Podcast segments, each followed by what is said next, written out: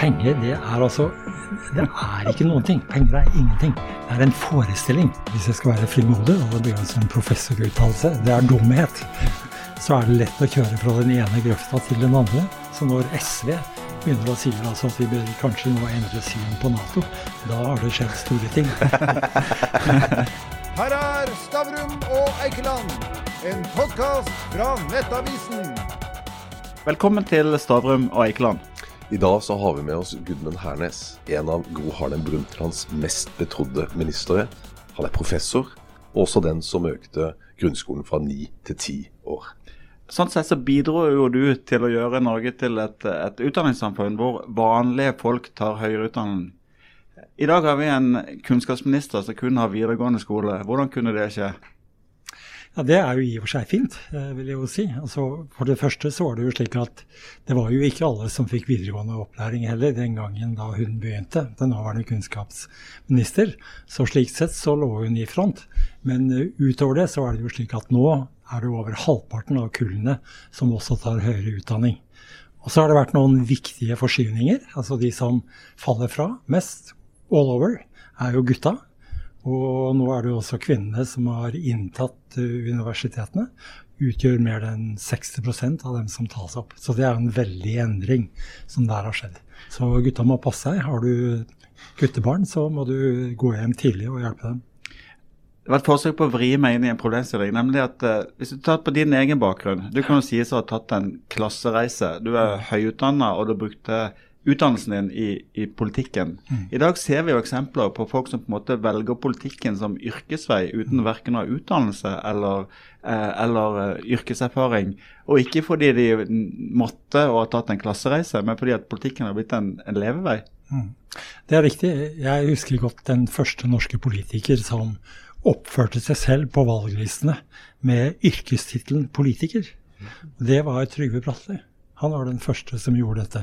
De andre skrev bygningsarbeider eller lagerarbeider, som formann i kirke- og undervisningskomiteen var. Eh, og de beholdt altså da denne forankringen også, og de hadde hatt et yrkesliv før de kom på Stortinget. Det er det nå mange som ikke har, fordi de går inn i disse konsulentjobbene via ungdomsorganisasjonene. Og slik sett så er det jo da halvstørte røvere.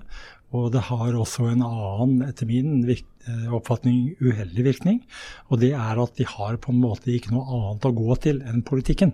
Og da blir de mer avhengige av både parti eller andre organisasjoner. Og de har ikke den personlige friheten til å velge noe annet, som f.eks. da min generasjon hadde. Men som statsviter og sosiolog, eh, det at du da sitter på Stortinget eh, og har en million i årslønn uten å, å ha, ha, levd ute i måte, det vanlige liv. Hva gjør det med maktutøvelse, og hva gjør det med måte, representasjon? Jeg tror de blir mer distansert. Det er ikke bare fordi de har i mindre grad, de som sitter her nå, levd blant dem de skal representere. Men det er også fordi at det har kommet et mye større entourage, som det heter på fint. Et omland av konsulenter. Det er jo nå flere ansatte knyttet til ulike funksjoner i Stortinget enn det er representanter. Og det betyr også at det, lag, ja, det polstrer på en måte mot de direkte uttrykkene. Og en annen effekt det har, det er jo at veldig mye tid går med til møter dem imellom. Og det betyr også at de får mindre tid til å være ute blant folk. Og det skjer da gjerne på reiser som er regissert. At det ikke er det at man tumler rundt og eh, er så å si sammen med alminnelige folk som man skal representere, i samme grad som tidligere. Ja, for, for, Du ser jo at dette er jo ikke en sånn en høyresidegreie eller en venstresidegreie. Altså, dette, dette, er alle som gjør det, og, og, og selv dine egne. Altså, du tar det opp i boka di om uh, Marte Gerhardsen, skoledirektør i, i Oslo, uh, som gir millionlønninger til sine sjefer. Hun selv har selvfølgelig høyere enn, høyere enn sine sjefer igjen. Og så har du da de lærerne som må vise måtehold, som tjener en brøkdel av, av dette. Altså, er, er det ren griskhet, grådighet? For, for sunn fornuft er det ikke. Nei, altså jeg tror ikke at det er så mye griskhet. Jeg tror snarere det er to ting som dette skyldes. Det ene er eh, hvis jeg skal være frimodig, og det blir jo en sånn professoruttalelse, det er dumhet. Altså at de ikke, ikke ser hvordan for det første hva det er de har av privilegier, privilegier sammenlignet med de fleste. Og det andre er at det er mange som reagerer på at de kommer opp i disse øvre sjiktene. Og dette er jo tendenser som har forsterket seg. Eh, også fra den tiden da jeg begynte å snuse på politikk. Altså, og f.eks. i Stortinget så er det jo også blitt et mye mye sterkere og mer uttalte f.eks. inntektsforskjeller mellom representantene i stortingsavlønning. Altså slik at presidenten plutselig er kommet opp på statsministernivå, som skjedde for 15 år siden, eller hva det var. Og det andre er at komitélederne får ekstrabetaling, og så får partilederne ekstrabetaling. Så det er fra at det var Ola stortingsmann og Kari stortingskvinne, som så å si alle var likestilt, så er det nå blitt en større grad av hierarkisering innad. Og det betyr også at det blir en del av motivasjonen for hvilke verv du sikter deg mot. Men dette er det, i tillegg til den sånn eh, individuelle dumheten, så er det eh, også slik at eh, det er ingen som egentlig har stilt disse spørsmålene om hvordan de litt etter litt har endret grunnleggende strukturer i det norske politiske system. Og det betyr at, igjen for å bruke et litt fint ord, da, altså motivasjonssystemet, hva det er som får folk til å gjøre hva, det endrer seg.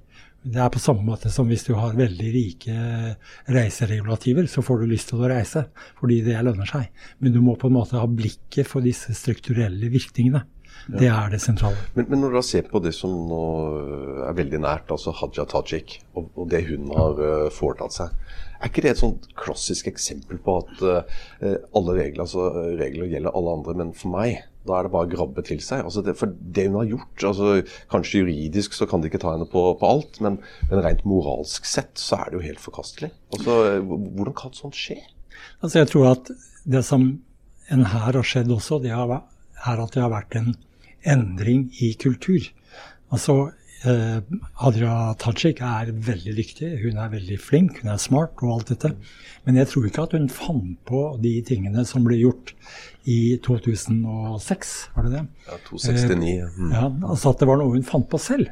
Det var, tror jeg, det ville være min hypotese, noe hun fikk vite om at ja, men det ordner vi på den måten.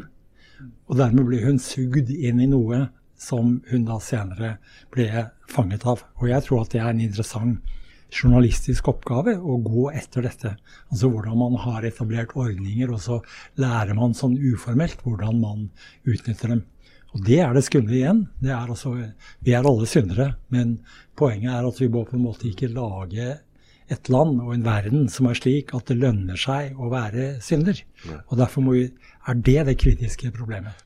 Men du, la, oss, la, oss, heve blikket litt tilbake til den sosiologiske himmelen. Du har skrevet en veldig god bok som kan anbefales, hvor du forteller om ditt liv både som maktutreder og maktutøver. Eh, og du du starta jo ganske tidlig og bl.a. jobba sammen med Stein Rokkan, som er kjent mm. for eh, kortformuleringen at eh, stemmer teller, men ressurser avgjør. Mm. Men hvis vi nå har et storting hvor faktisk stemmene ikke teller fordi at vanlige folks eh, interesser ikke blir uh, oppfatta av de politikerne som setter der, hvordan er det det som er grunnen til, til framveksten på et parti som Senterpartiet, hvor folk føler at de blir ikke hørt?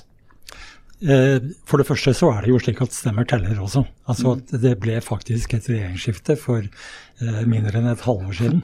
Slik altså at det var noe vi avgjorde i valg.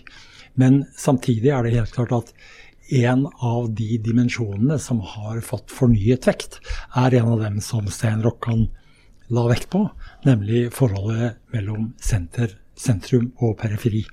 Altså Hvis man ser på befolkningsutviklingen i Norge, har det jo vært en veldig vekst i byene. Og det fortsetter også. Det gjelder i mange land. Og de som er i disse, hvis man skulle si det polemisk eller spisst, de attergløymene, de føler seg altså da forlatt. Min stat, min stat, hvorfor har du forlatt meg? Kunne de si.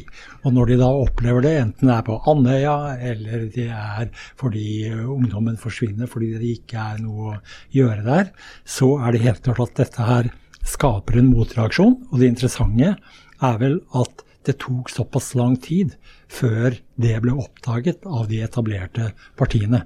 Og det tror jeg har igjen å gjøre med at de som har styrt disse partiene, i Stortinget og andre steder, har hatt for stor avstand. Sa at de har ikke fornemmet det, fordi de har ikke vært der. Men eh, en bok du har gitt ut for en god del år siden, 'Makt og avmakt'. mm. eh, du, ikke, du ser ikke frykt for at de folkene som nå oppfatter dette, vil oppfatte seg som avmektige? eh, de- får, de får ikke endre de tingene de ønsker å endre? Jo, det tror jeg at det er mange som nettopp kan gjøre. Og det er mange ting som kan bidra til det. Av og til er det disse lange, tunge trendene, som når du ser at eh, nå blir du den siste i slekta som bor på dette stedet. Det er en sånn langvarig prosess. Men så er det noen akutte hendelser. Og det som har vært det mest dramatiske det siste året, er jo strømprissjokket. Som gjør at folk som regnet med at i år skulle bli som i fjor, og vi skulle få det litt bedre, og det skulle være vanlige folks tur fordi vi skulle få høyere lønn, og skattelettelser for dem langt nede og mer for dem høyt oppe. Plutselig så får du i posten en regning som kullkaster alt. Og er det noe eh, historien har lært oss, så er det at slike brå kast i levekår, det gjør folk, for å si det på godt norsk, forbanna. Men ikke bare på godt norsk. Det har de gjort i alle land. Det Kornopprør og prisopprør og brødrevolter er noe man har sett i alle land til alle tider. Til og med min studiekamerat Karl Marx skrev også om dette som en viktig motivasjonsfaktor. Og her tror jeg at det er også da noe av det som har skjedd. Og av en dobbeltgrunn. For det første fordi at det er noen som har så god råd at det betyr ikke så mye for dem. For det andre ved at dem som styrer dette systemet, jo har fått bonuser. Mens de andre får altså da et strømsjokk. Og det tredje som jeg tror også skaper denne følelsen av avmakt, det er at folk har fått fornemmelsen av at de som laget dette systemet, ikke visste hva de gjorde. De laget et system for eh, tre, fem, eh, ti år siden. Og plutselig så smeller det. Og når det smeller, så er det slik at de som konstruerte systemet, stikker av. De sier 'å dæven, eh, det var ikke oss'. Eller altså Fremskrittspartiet er vel kanskje det beste eksempelet på dette. Det var noen som sa det ville være fint å få høyere priser. Da får vi bedre betaling, og folk vil spare mer energi.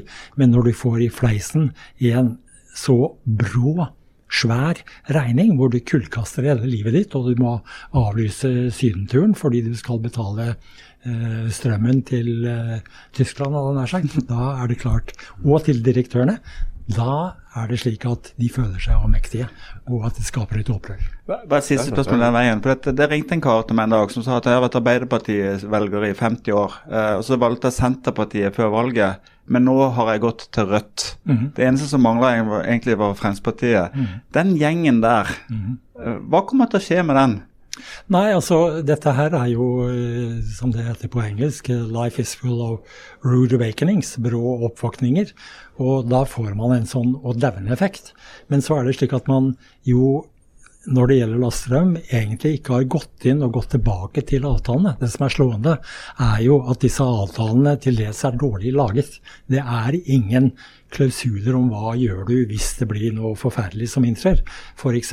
hvis vi eh, eh, altså da må, ikke kan legge i ovnen, men må finne frem eh, lusekofta som løsning på kulden i Norge. Det Altså- skjedde jo i vinter, det. det skjedde i vinter, absolutt. Og eh, da er det slik altså at det skaper eh, en forbannelse. Men ikke bare det. Dette er en sånn saker som er politisk viktige, fordi det flytter på folk mellom partier. Og enkelt sagt, økningen i strømprisen har fått folk til å se rødt. Men altså, litt tilbake til det eh, Gunnar snakka om her. Eh, hvis du ser på Arbeiderpartiet eh, Alle gremmes jo, eh, som var i partiet. Uh, Jaglands uttalelse om 36,9. Det var jo krise. Han kom vel på 35 et eller annet. Nå er vi jo nede på under 20 fra Arbeiderpartiet. Eh, er den tiden som styringsparti over for, eh, for Arbeiderpartiet snart? Nei, altså jeg I politikken så som tidligere kirkeminister så har jeg jo sans for eh, Lasarus-effekten. Det var han som gjenoppsto fra det døde, som dere husker. Og jeg tror at det er mulig. Vi har sett også det. Det er ikke bare et sånn jevnt fall. Eh, Men hvis man skal gjenoppstå, da krever det en endring av politikk. Og det som jeg er redd for her, det er altså at man vil flikke og lage mange konkrete tiltak, snarere enn å tenke på en helhetlig politikk. Og Eksempler på dette er jo når man skal kompensere folk for økte strømregninger med masse finurlige regler. Jeg vet ikke om det er noen som har oversikt over alle detaljene. Er det når det sier over 60% eller 50% eller 80% og hva med fjøsbønder, og hva med altså, og Spesielt etter at man da i mange år har blitt fortalt at det som gjør ting enkelt her i verden, det er markedet. Så her har vi altså da fått et marked, og så lager det virkninger som gjør at vi er nødt til å tukle med alle sider av dette markedet. Og da får du igjen eh, følelsen av at eh, de høye herrer og høye kvinner egentlig ikke skjønner hva de driver med. Og da er det slik at de går til dem som kommer med forslag til endringer som i hvert fall er forståelige, og ikke er slik at du må ha så en sånn eh, brukskatalog. Altså Politikken må aldri være vanskeligere enn Ikea og når du skal skru sammen ting. Og hvis det blir altså sånn veldig finurlige ting, så blir verden ubegripelig. Eh, og når den blir ubegripelig, blir du også altså forbannet og vil ha noe annet. Men, men, eh, ja, Revolusjon. Ja, ja, oh, now we're talking. Nei, men, men, eh, hvis du ser på Arbeiderpartiet, det, det er jo et splitta parti Jonas leder nå. Du, du har jo industri, du har uh, land og bygd og, og, LO på den ene siden. Så har du miljø og by og den venstre uh, radikale sida uh, på, på, den andre sida. Altså, hvordan skal han klare å forene de to? For de er relativt langt fra hverandre. Ja. Altså nå har Arbeiderpartiet har alltid vært et splittet parti. Og det har vært splittet på mange ulike måter helt fra starten av. Og det som har vært i flotteste perioder i eh, sosialdemokratiet, er jo når man har klart å bringe dem sammen til enighet om noen store og viktige saker. For bare å ta ett eksempel. Folkepensjon var jo en slik sak. Etter Kings Bay så eh, gikk da Gerhardsen ut på et folkemøte oppe ved Hønefoss og gikk inn for folkepensjon. Det hadde de ikke ønsket tidligere. Dvs. Si, LO ønsket ikke det, fordi de ville ha for, altså pensjonsopplegg i regi av fagforeningene. Og det fikk de lov å drive med helt til uh, man fikk raset etter Kings Bay. Da tok partiet den saken tilbake. Så poenget er det har vært splittelser hele veien. Og det som er også da prøvestein på store politikere, det er de som har vært i stand til å bygge bro mellom disse motsetningene. Og det innebærer også i et sosialdemokratisk parti en viktig ting. Du må få med deg dem som ved at de kommer med, går mot sine egne umiddelbare interesser. Altså Jeg kjenner såpass mye at jeg ikke øh, Jeg taper på veldig progressiv skatt. Men altså hvis jeg er sosialdemokrat, så er det det jeg må gå inn for som en del av en slik koalisjon, hvor det da er andre tantene i Trondheim som nyter godt av at jeg går inn for det. Men det, det Ole kaller styringspartiet, det kunne en kanskje kalt folkepartiet? Altså partiet som, som favner over 40% av befolkningen. og mm. Eh, vi ser jo at måte, Summen av Høyre og Arbeiderpartiet har jo gått ned. altså De store folkepartienes tid kan diskuteres eh, kanskje er over, og at det er på en måte særinteressepartier og mindre mm. grupper som kommer til å vinne fram. Hva tror du? Jo, altså Det er nok riktig, også fordi at det er andre typer tema som er blitt viktigere i politikken. Altså om du er cis eller trans, eller hva det nå heter for tiden. Altså, det var på en måte ikke den store politiske saken da jeg vokste opp. Altså at det er kommet mange nye tema på dagsorden, og mange som har investert sin politiske interesse og sitt politiske engasjement i denne type saker. Og det splitter opp selvsagt det som står om hovedsaken. Og for et sosialdemokratisk parti så er hovedsaken hele tiden ulikhet. Og den vet vi har økt, og den vet vi har økt også ved forskjeller mellom den politiske klassen i landet og eh, vanlige folk. Og den politiske klasse er blitt stadig større. Det, nå er det jo mange ordførere som har samme lønn, og kanskje mer, enn statsministeren, for ikke å nevne de eh, tjenestemennene, eh, kommuneansatte, som eh, var der. Så Jonas står foran en vanvittig jobb nå. Mm. Uh, og noe av problemet til Arbeiderpartiet er vel kanskje at det oppfattes ikke som det vanlige folks parti lenger. Men er Jonas den rette til å, å klare å få, få, det back on track? Mm. Altså, det er heller ikke en ny problemstilling for Arbeiderpartiet. Arbeiderpartiet har alltid hatt sentrale politikere som har vært akademikere. Det klassiske eksempelet er Edvard Bull den eldre, som var professor på universitetet, og var Eh, også en av dem som gikk i Oslo Arbeidersamfunn. Og der røkte han sigar. Og det syns arbeidsfolk var ok, selv om det lukta svette og ting som verre var av dem. Fordi han var jo professor Bull, så det var ok. Fordi at han var en av dem, og han hadde vært kommunist og greier. Og Gro var jo heller ikke en sånn eh, som hadde vokst opp på gulvet. Eh, men hun var i stand til å formidle at hun hadde omsorg for både vanlige folk og ikke minst kvinner, og at det var da eh, å redusere ulikheten mellom kjønn var den sentrale oppgaven. Det var ikke alle mannfolka som syntes at det var en god idé den gangen, men altså de gikk med på det. Litt motstrømmende, og så er det nå blitt en del av det vanlige. Mm. Så eh, igjen er det slik altså at man må holde fast ved hovedsaken.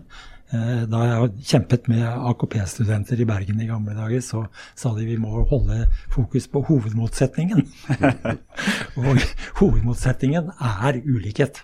Men en ting til om Jonas, det er altså at jeg vil tro at i øyeblikket så er det med det som skjer utenfor døra i Norge, så er det veldig mange som føler seg betrygget av at det er Jonas som fører ordet. Han vet hva han snakker om, han kan snakke til alle. Han kan snakke ikke bare i de internasjonale fora, men også når han er i Politisk kvarter på morgenen, så at folk forstår det, og at de syns at det er bra å ha en slik fyr der. Men så er det nok noen som ville sagt nå må du eh, ta deg en tur her ned på eh, lunsjbordet i klubben. Eh, selv om klubben også er blitt en annen enn det pleide å være. Og nettopp da skjønne at en del av den økonomiske politikken som Arbeiderpartiet har ført, og hvor de er blitt fanget av en bestemt tenkemåte, den er på en måte nå faktisk begynt å bli avleggs. Og det er, det er det store tankemessige oppgjøret. Det er det vi ser også når det gjelder strømpriser osv. At uh, man er fanget av en tenkemåte som gjør at man ikke ser hva man gjør. Mm. Eh, en, en, interessant ting med å lese boka di, er at jeg synes på det er en slags arkeologisk eh, funn på hva, hva Gudmund Hernes og i og for seg også Arbeiderpartiet tenkte til ulike tider. Og eh, jeg mener at det kan være fair å si om deg at du er på en måte faktaorientert og kvantitativt anlagt. Du undersøker ting før du gir deg selv en mening. Hva syns du om ord som tillitsreform og vi skal kutte ut og måle ting? Ja, altså det er, det er, ikke tatt med i den boka, men dette er faktisk også noe jeg har skrevet om. og altså, Ja, det er helt klart altså at det er veldig kostbart hvis man skal ha så detaljerte regler at vi kan sjekke om alle gjør alt de skal til enhver tid, og vi kan så å si fot, fotgå dem og krysse av om de har gjort det de skal gjøre. Men på den annen side så er det også slik at når man har en eller annen forvaltning, en eller annen organisasjon, en kommune forvaltning f.eks., så er det ikke slik altså at man kan la de ansatte bestemme alt hva som skal gjøres. Fordi at her er det noen brukere og noen klienter. Og hvis de sender elevene sine til skolen, så vil de jo gjerne vite hva er det de skal ha med seg hjem når de kommer derfra. Og det har de krav på å vite. Det er en del av samfunnskontrakten. Og da må også de kunne redegjøre for hva har de gjort. Og igjen er det slik at når det kommer motebølger, sånn som New Public Management, eller kanskje også tillitsreform, så er det lett å kjøre fra den ene grøfta til den andre. Og jeg mener altså at det må være en slags ja, blandingsadministrasjon, om en vil, eh, hvor en altså da eh, tar med seg flere av prinsippene, og så må de tilpasses akkurat hvilken organisasjon de har. Jeg vil ikke organisere et klasserom på samme måte som organiserte søppeltømmingen, men det er altså da det som er eh, de som skal utforme forvaltningen, må gjøre. Og jeg vil ikke utforme klasserommet nå, slik jeg ville gjort da jeg var utdanningsminister. Fordi det er så mye som har skjedd i barnas verden utenfor, og at da må man gripe det på andre, eh, andre vis. Er, det unge mangler nå, er å gjøre ting. Konkrete ting. Ikke å sitte og se på ting. Eh, det pleide å være annerledes når jeg vokste opp og var ramp i Trondheim. Eh, eh, bare et personlig eksempel. Altså, min far uh, har parkinson og trenger uh, hjemmehjelp. Uh, mm. Nå er han på sykehjem, men før det så, så, trengte han det. Og Han var sist i rekken av folk som skulle få besøk av en, hjelp, av en hjelpepleier takke meg, takke meg til ord som stoppeklokkeomsorg. Hadde du syntes det var trist hvis den mm. hjemmehjelperen ble sittende og drikke kaffe med klient nummer én? Mm. Ja, nettopp. Mm. Nei, og det, og det, gjør jo også at hvis du skal ha en tillitsreform, så er det jo slik som for alle tillitsyrker. Det forutsetter at de som skal få tilliten, har skjønn og profesjonalitet til hver dag å foreta disse vanskelige avgjørelsene som det du nevner. Altså at de ikke blir sittende med førstemann, fordi eh, da får vedkommende full service, mens den siste ikke får noe. Så det betyr altså en tillitsreform forutsetter også at de vi har, er tillitsvalgte, er verdig den tilliten de da får.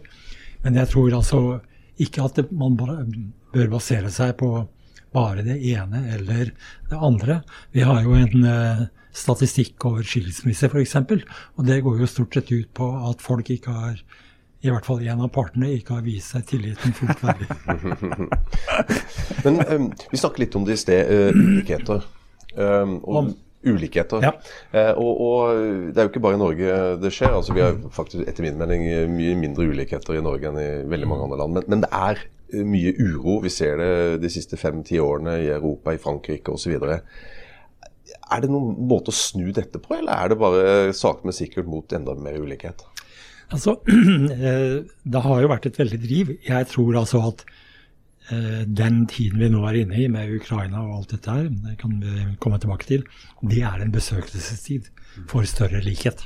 Fordi at nå får vi alle sammen kastet på oss helt andre krav og mye større utgifter. Vi skal ta tusener av ukrainere i Norge, og det må vi dele på.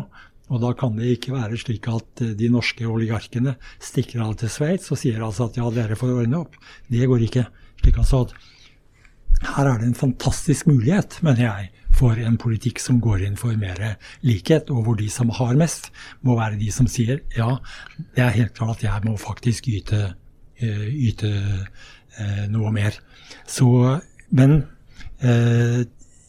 så er det også nødvendig er å vite mer. Og en av de tingene jeg har flere ganger etterlyst, og som jeg gjerne skulle sett også journalister adresserte mer direkte, det er bare å kartlegge ulikhetene. Altså Jeg så tilfeldigvis en statistikk over hva er det norske idrettsledere og idrettsadministratorer får betalt om dagen.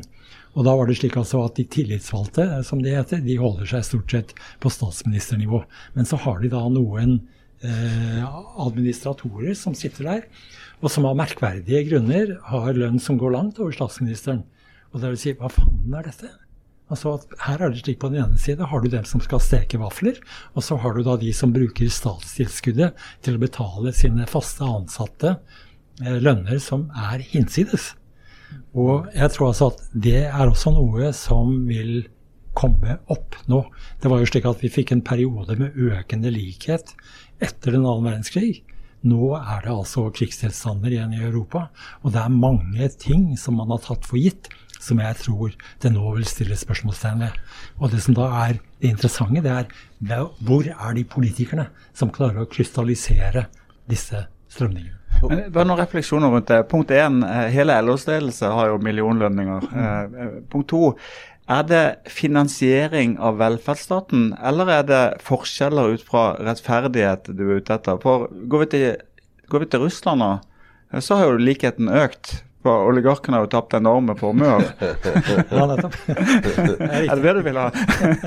begge deler, som heter Ole Brumm her. Ja, begge deler. Altså at uh, vi har jo igjen svære endringer i uh, det norske samfunnet. Og en av de store omveltningskreftene er jo at uh, uh, folk gjerne vil leve lenge, men den eneste kjente måte du kan bli det på, er å bli gammel. Så det blir også stadig flere eldre. Mm. Og da er det spørsmål hvordan ordner vi dette? Og de som blir eldre, sånn som meg, vi blir jo også dyrere i drift. ikke sant? Vi koster på oss flere sykdommer og mye rart som Og samtidig er det slik at ikke for noen av oss kan vi løse de oppgavene aleine. Altså, jeg, syns det er fint at han eh, Rimi-Hagen bruker penger på kreftforskning osv. Men den behandlingen han har fått, den har jo kostet mye mer i forskningsinnsats i årtier enn det han har gitt. Så selv for ham så er det slik at han beror på andre for å få de medisinske tjenestene han trenger. Og da må vi skape en større bevissthet om det. Og da må de eh, eh, og vi må være alle villige også f.eks. til å stå i arbeidslivet så, så lenge vi kan. Ja. Eh, langt flere av oss som en del av dette. Men en av de viktigste uh, greiene for å, for å bli kvitt ulikheten, er jo skatte- og avgiftspolitikken. Mm. Uh, men hvordan kan vi klare da å, hvis Norge alene skal bare begynne å skattlegge de rike enda mer, uh, da bare flytter de da flytter de norske oligarkene til Sveits. Altså, er det ikke internasjonalt samarbeid som er den eneste løsninga? Jo, men igjen er det slik altså at nå vil jeg altså at hadde, hadde jeg hatt makt Jeg har jo bare noe sånn kremt. Eh, så hadde jeg altså satt til siden noen folk til å begynne å se på dette. Det er noe vi har klart, f.eks. når det gjelder skatteparadiser i OECD osv. Det har tatt veldig lang tid. Men nå de siste dagene har jo til og med Sveits kommet med og sagt at ja vel, vi må også ta oligarkene. Og de skjønner jo da også dette, at hvis Sveits nok en gang bare skal være stedet hvor alle de rike drar for å organisere fredskonferanser, da blir folk forbanna. Han sa at hør her, nå må dere også se til å få hele dette europeiske huset i orden. Og dere er en del av det. Dere kan ikke snike dere unna. Og det er altså, slik jeg ser det, den fantastiske det, det, som gjør meg mest optimistisk i denne forferdelige dagene vi lever i nå, det er altså de nye mulighetene som dette åpner for.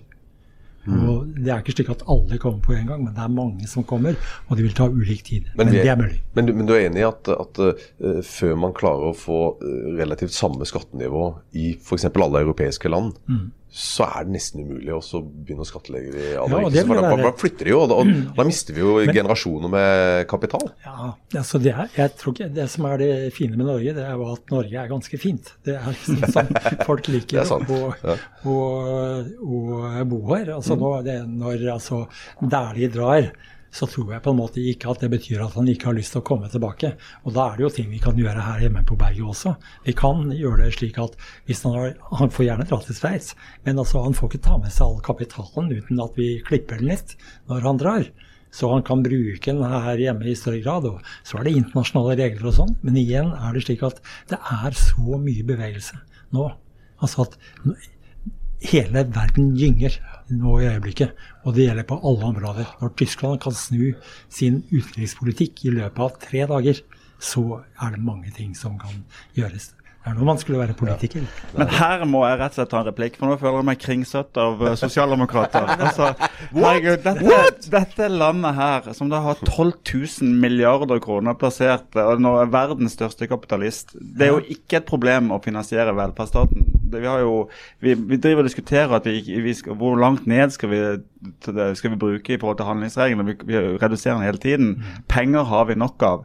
Eh, hvorfor er dere så opptatt av ulikhet? Jeg syns ikke at ulikheten mellom Dæhlie og, og, og vanlige folk er det store problemet i Norge. Det store problemet i Norge er at vi har 100 000 eh, barn som er, som er, vokst opp i fattigdom. Og det, mhm. det, er et enkelt ting å løse hvis du har vilje til politisk å løse det. Ja. Du trenger ikke å endre hele samfunnsstrukturen av den grunn. Ja, hvis du vil gi bedre utdanning til 100 000 barn, ja. så er det et politisk spørsmål. Det er ikke slik som altså, da mm. går du ut på gata her og finner Oliver Twist, og så skal du ta deg av den. Men du har pengene til det, sant? Det har vi jo. Men igjen er det slik, altså, eh, da vi fikk stortingsmelding 25 som det, som var den første meldingen meldingen om hva skal vi gjøre med oljepengene i 74, så eh, var det en av de tingene som var viktig å slå fast. Og det er altså at det som kommer ut av Nordsjøen, det er olje. Det er ikke lærere. Det er ikke sykepleiere. Det er også realia. Mm. Og det er slik at vi kan ikke få flere intensivsykepleiere om vi bruker to milliarder ekstra neste år. Det er ikke pengene det står på. Det er, pengene er bare en måte midler til å reorganisere samfunnet. At, så Slik sett er det bare en annen måte å føre bokføring på. Vi sier til noen nå gjør vi det slik at du flytter herfra og dit, men i stedet for å gi det som en kommando, så flytter vi på lønninger, og så ordner vi det. Så penger er eh, derfor eh, politikk. Og du er sosialdemokrat. Fair enough. For vi, vi, vi, kan la være å gå i den eh, Jeg kjøper liksom at det handler om, måte, om, det handler om struktur og, og, og, at du har et gitt antall personer i Norge til å løse oppgaver. Sånn. Det, det, er jeg med på. Men, Nå får vi noen flere. Nå kommer det noen, noen ukrainere. Ja, men, vi kan jo, men vi kan jo kjøpe tjenester fra utlandet etc. Men, men det som jeg synes er interessant, da, det, det er den forståelsen om at oljefondet er på en måte et, et generasjonsspørsmål. Hvis du ser på oljefondet i dag, så tror jeg det er noe sånn som 4000 av de milliardene er olje. 8000 av de milliardene er eh, finansinvesteringer, mm. som jo ikke er noe vi i prinsippet skylder neste generasjon. Det er jo på en måte verdier vi har skapt i denne generasjonen. Så, ja.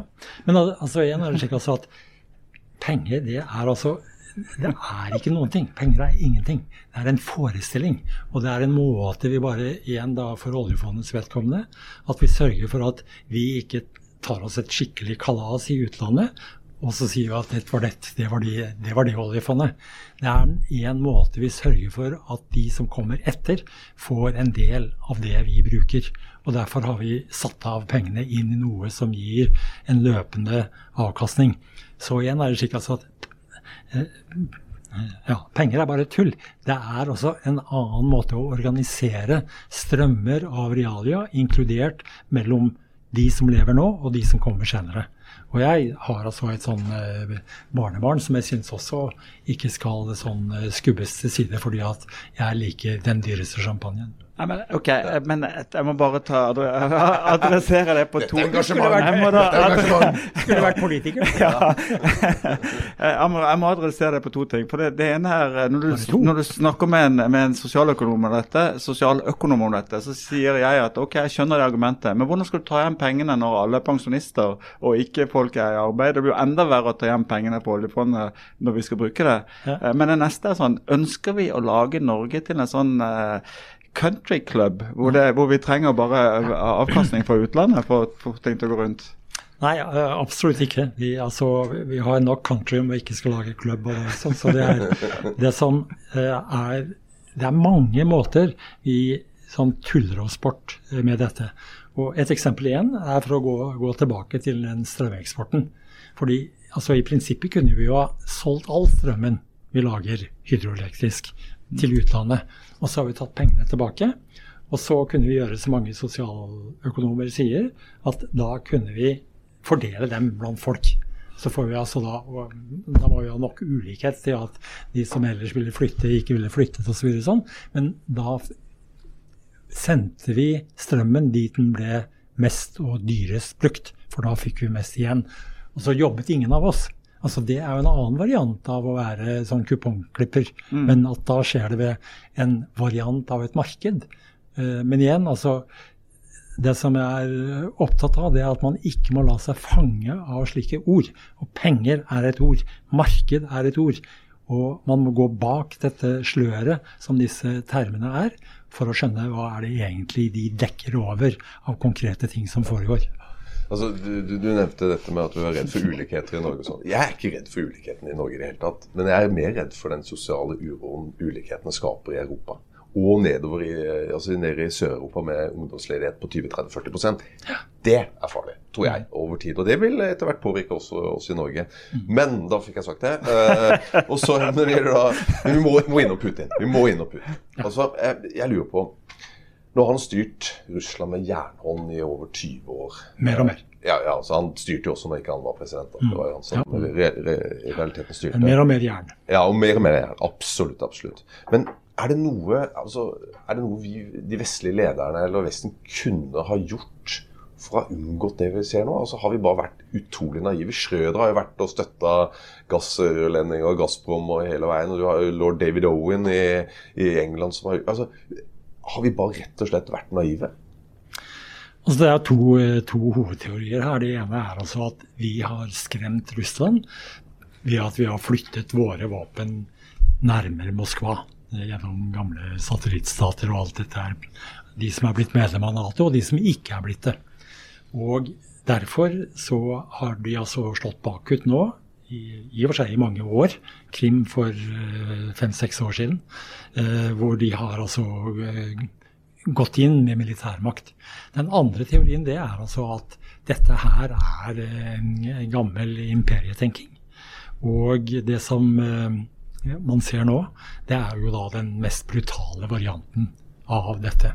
Hvor et land bruker alle sine militære midler, og Sovjet har mye, til å underlegge seg et annet land.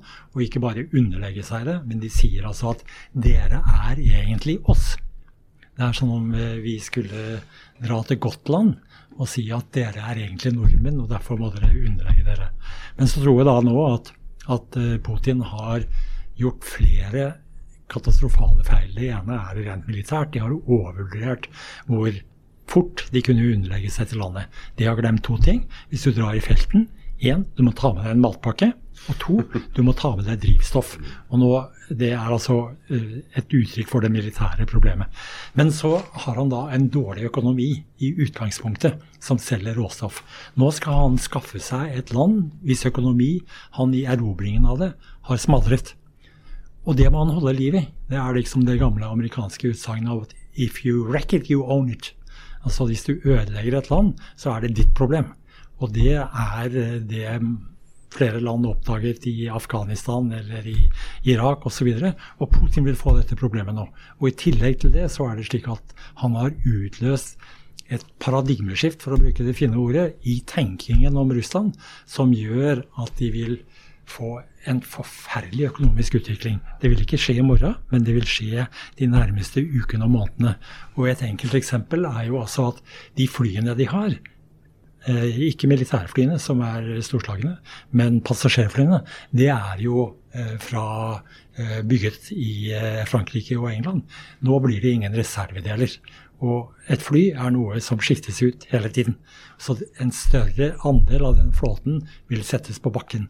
Så hvis han da vil være helt modig overfor det russiske folk, så vil de stå på flyplassen og lure hva fanden er det som er så heltmodig i at jeg ikke får besøkt uh, mine slektninger i uh, Sibir, eller uh, hvor det måtte være. Så altså han har i dette da dels utløst og dels provosert frem reaksjoner som gjør at han får to dårlige økonomier. To ødelagte økonomier som man skal ta hånd om. Og i stedet for at man da bygger utdanning eller hva det måtte være i Ukraina som gjør at de ville være begeistret, så er det første de må begynne med, det er så å si å gjenoppbygge Berlin og Warszawa, slik som de måtte gjøre det. Altså alle ressurser må gå til gjenreisning. Og så undervurderte han vel også den at uh, Vesten altså Han trodde kanskje det var et mer splitta Europa, splitta Nato som, som, som han møtte. og vi har jo sett at de har virkelig vært forent eh, i, i denne saken. Kanskje blitt mye tettere som følge av dette. Ja, det er ikke bare Europa, men vi ser det jo til og med i den del av Europa som er Norge. Altså Når SV begynner å si altså at vi bør kanskje nå endre syn på Nato, da har det skjedd store ting.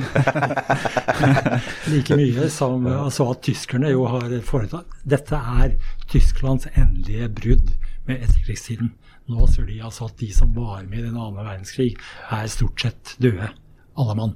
Og nå må vi tenke annet om den europeiske sikkerhet. Og også om hva velferd skulle være. Altså, jeg har jo hatt en periode et, først med Berlinmurens fall og all den optimismen det skapte, til en økende grad av totalitære regimer og totalitære innslag i mange regimer. Jeg tror altså at dette her er en veldig oppvåkning. Og det man da kan håpe igjen, da, det er altså at vi nå har politikere som er i stand til å artikulere dette. Og vi har noen gode eksempler. Eh, den eh, ukrainske presidenten er jo det fremste eksempelet på en som plutselig sånn stiger ut av det store intet og plutselig tar en lederrolle og er i stand til både å artikulere hva folk ønsker, og også til å vise ved det han selv gjør, hvordan man skal opptrå i en slik krise og møte den. Han er en av folket? Han er en av folket. Og du ser det også på bildene og hvem han omgås osv. Mens Putin sitter med dette idiotiske kilometerlange bordet. Det ser ut som han har satset på Guinness record. Nei, nei, nei, Han har satsa på dynastiet. Husker du Crystal og Blake når de satt og spiste? Men du, eh, du, du har jo eh, Det er vel fair, fair å anta at du er en av de som har lest mest statsvitenskapelig og sosiologisk forskning her i landet. Og det, det tar to teorier, da. Det er sånn, er det armod og nød som skaper revolt, eller er det på en måte, er det litt framgang og håp og mer? Altså, I oversatt betydning, kommer dette nødvendigvis til å føre til et, et opprør i Russland, eller eh, blir det apati? Altså, eh, man har jo eh, misnøye er noe som opptrer når man ikke får det man venter seg. Og fattigdom kan du venne deg til. Altså at det blir like jævlig som det alltid har vært. Og det er ikke det som får folk opp på barrikadene til å gripe til høygaffelen. Det som gjør det, er når du venter noe, og så blir det plutselig ødelagt. Og du kan jo tenke deg da for disse uh, oppimot 150 millioner uh, russere som nå får ødelagt alle sine nærmeste år. De som hadde håpet å reise til utlandet, ville ikke ha penger å reise for om de fikk lov til å reise der som eh, turister. Altså at hele den lille verden som hver av dem har, men som til sammen utgjør den store verden, den er, bli, er blitt ødelagt. Og dette her kommer, tror jeg, til å avsette seg i reaksjoner. Og da er det en annen ting som er viktig. Det er altså at ikke bare å vise den fastheten og reagere og nå holde for det som skjer, men det er også å vise det russiske folk at ja, vi ønsker dere tilbake. Og det som var den store eksempelet på dette etter annen verdenskrig, var jo Marshallhjelpen. Altså at den sa da altså at også Tyskland, som lå der med ikke bare brukket rygg, men brukket alle bein, de ble også hjulpet på fote. Og det må også være i innstillingen. Jeg tror nå i første omgang skal vi si vi tar alle russiske reserver. De skal gå til et Ukraina-fond, et globalt Ukraina-fond, til en Marshall-hjelp for Ukraina. Men vi skal også faktisk ønske russerne velkommen. De er også en del av Europa. De har en fantastisk historie. De har uh, gitt oss alt fra brett og lesestoff uh, til uh, også idrettsutøvere når det ikke var kjemisk industri de sendte på, til OL.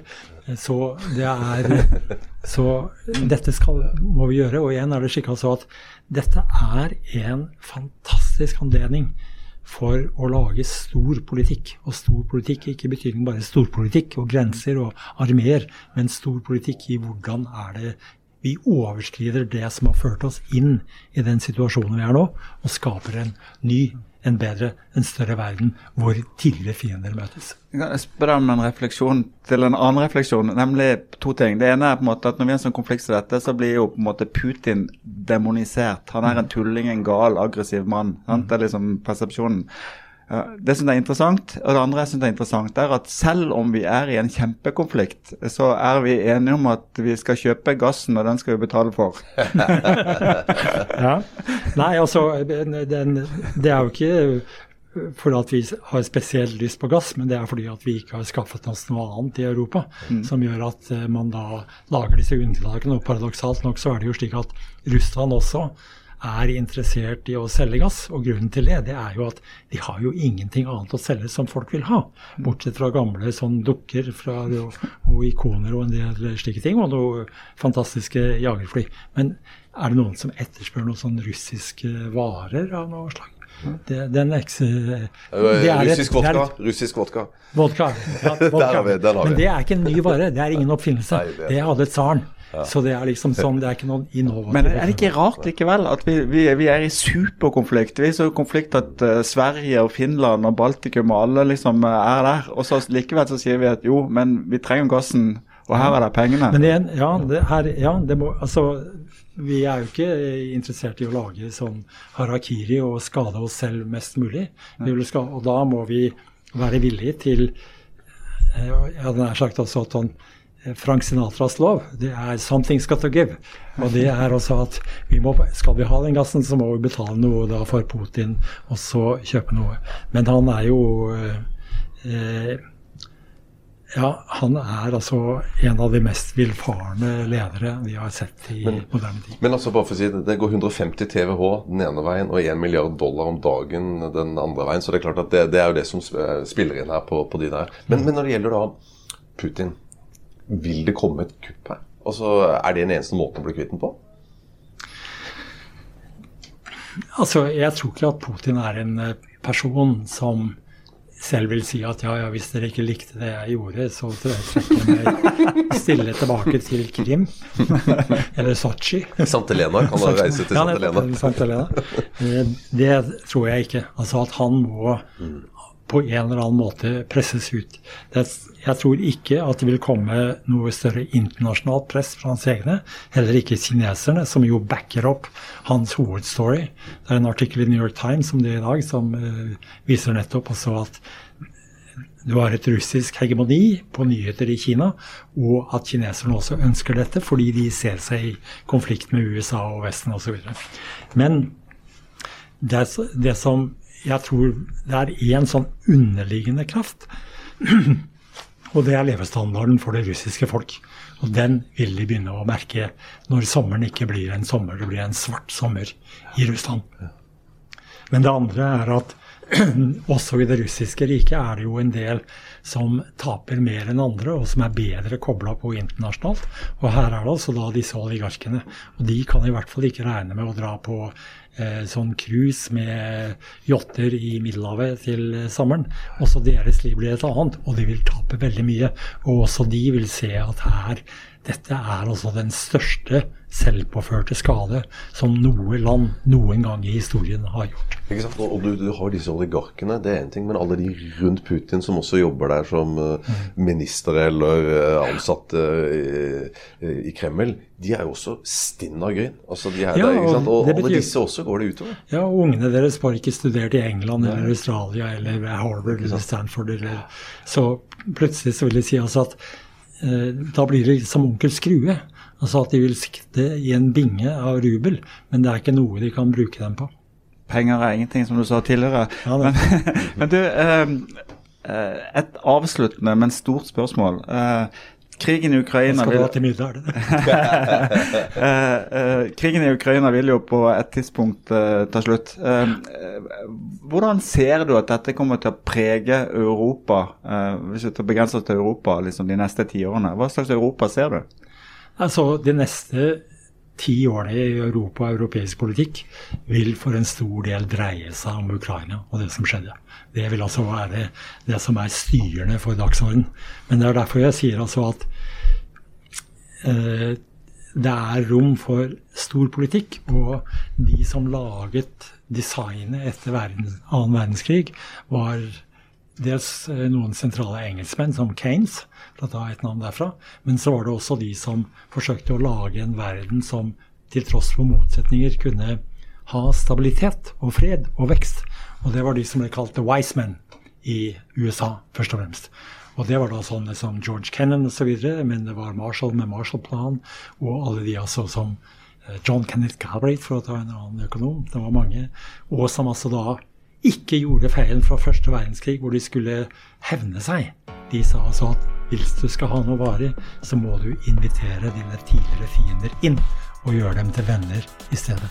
Og Det er den store politiske oppgaven, og den bør være den sentrale delen av europeisk politikk de neste ti årene.